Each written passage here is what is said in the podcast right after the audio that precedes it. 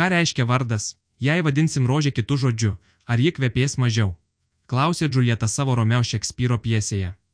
Iš tiesų, daugeliu atveju vardas nieko nekeičia, bet kalbant apie ekonominius ir finansinius sukretimus, po skirtingais pavadinimais slepiasi ne vienodos problemos, reikalaujančios skirtingų vaistų. Kas yra krizė? Tai yra staigus, netikėtas, pavojingas įvykis ar laikotarpis, reikalaujantis sudėtingų sprendimų ir dažniausiai neturintis lengvos išeities. Dažniausiai ekonomistai nevartoja termino ekonomikos krizė, o kalba apie finansų krizės. Finansų krizės apibūdina įvairiausių aktyvų - nekilnojamojo turto, akcijų, kitų vertybinių popierių, kainų kritimas, įmonių bei gyventojų pajamų sumažėjimas, apsunkinantis jų galimybės gražinti skolas ir vykdyti kitus finansinius įsipareigojimus. Dabar jau klasikinis finansų krizės pavyzdys yra 2008 metų pasaulinė finansų krizė, kuomet vieno dideliojo TAV investicinio banko bankrotas nuvilnijo per visą pasaulį ir sukėlė daugelio valstybių įmonių ir gyventojų mokumo problemas. Laiku nesuvaldyta finansų krizė, kokią matėme prieš beveik 15 metų, pavirsta į ekonomikos nuosmukį, mažesnį gyventojų vartojimą, stabdomas įmonių investicijas, krentančias eksporto apimtis. Ekonomikos nuosmukį gali sukelti ir kitos priežastys. Pavyzdžiui, ekonomikos perkaitimas ar valstybės ekonominė politika. Priklausomai nuo jo gylio ir trukmės šis nuosmukis yra vadinamas ekonomikos recesija arba depresija. Ekonomikos recesija dažniausiai vadinama situacija, kuomet šalies BVP mažėja bent du ketvirčius iš eilė. Tokią recesiją šiuo metu stebime pavyzdžiui Lietuvoje, Estijoje ir Vokietijoje. Tiesa, kartais ekonomistai norėdami pabrėžti tokio apibrėžimo ribotumą ir recesijos švelnumą, tokį nuosmukį vadina techninė recesija.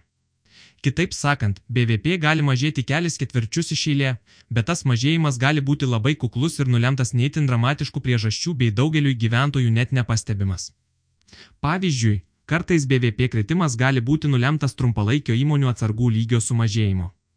Dėl šios priežasties, JOTV recesijas identifikuojamos ne tokiu techniniu būdu, o nacionalinio ekonominių tyrimų biuro NGL, National Bureau of Economics Research ekonomistų sutarimu. Jie stebi ne tik BVP pokyčius, bet vertina ir daugiau makroekonominių rodiklių - gyventojų užimtumą ir pajamas, lūkesčius, įmonių investicijas, gamybos apimtis ir TT. Ilgai besitęsiantis ir itin gilus ekonomikos nuosmukis vadinamas ekonominė depresija.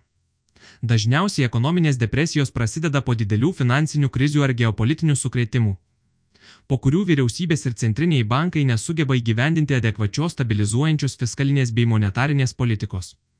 Būtent po 2008 pasaulinės finansų krizės daugelis šalių pasinėrė į ekonominę depresiją. Lietuvos BVP tuomet krito šeštadaliu. Nedarbo lygis priartėjo prie 20 procentų, nekilnojamojo turto kainos ir įmonių investicijos sumažėjo beveik 40 procentų. Blogų paskolų portfelis pasiekė beveik 20 procentų, smarkiai susitraukė kreditavimo apimtys ir galimybė skolinti, ir noras skolintis. Tuomet daugelis valstybių neturėjo galimybių finansų rinkose pasiskolinti už priimtiną kainą, didesni mokesčiai ir mažesnės valdžios sektoriaus išlaidos nuosmukį dar labiau pagilino. Lietuvos ekonomika prieš finansų krizę buvusi lygį pasiekė tik po penkių metų. Latvijai sugrįžti į 2007 klėstėjimo lygį prireikė dešimtmečio, Graikija dar nesugrįžo. 2020 m. pradžioje prasidėjusi pandemija pavirto į gilų, bet labai trumpą ekonomikos nuosmukį daugelie šalių jis truko vos vieną ketvirtį, bet nesukėlė finansų krizės.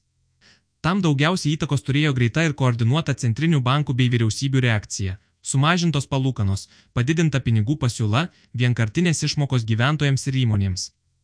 Suteiktos valstybės garantijos. Kaip paaiškėjo vėliau, pagalba buvo perteklinė ir prisidėjo prie infliacijos šuolio bet recesijos ir depresijos išvengti padėjo. Dabartinis Lietuvos ekonomikos nuosmukis nėra tik techninė recesija, bet nėra ir gili ar nevaldoma. Šių metų pradžioje krito ir apdirbamosios, ir mažmeninės prekybos apimtys bei šių sektorių sukūriama pridėtinė vertė. Dalis pramonės ir prekybos įmonių dėl silpnos paklausos jau buvo priverstos atsisakyti dalies darbuotojų, o nedarbo lygis nuo prieš metus pasiekto dugno pakilo 2 procentiniais punktais. Tačiau dalis pramonės šakų, statybų, it, komunikacijų bei kai kurie kiti sektoriai vis dar augo. Gyventojų išlaidos maitinimo įstaigose ir baruose išlieka rekordinėse aukštumose, o atlyginimų augimas beveik nesulėtėjo ir jau lenkia kainų augimą. Gyventojai gerai vertina savo asmeninės finansinės perspektyvas, vartotojų pasitikėjimo rodiklis vėl pakilo aukščiau ilgalaikio istorinio vidurkio. Jei Europos centrinis bankas keldamas palūkanų normas neperlenks lasdos, vartojimas ir investicijos galėtų gana greitai sugrįžti prie tvaraus augimo kelio. Lietuvos ekonomika išlieka subalansuota ir atspari daugeliu išorinių šokų. Lietuvos gyventojų bei įmonių skolos ir pajamų santykis išlieka vienas mažiausių ES, užsienio prekyba subalansuota, valstybės skola, nepaisant kai kurių perteklinių pastarųjų metų išlaidų.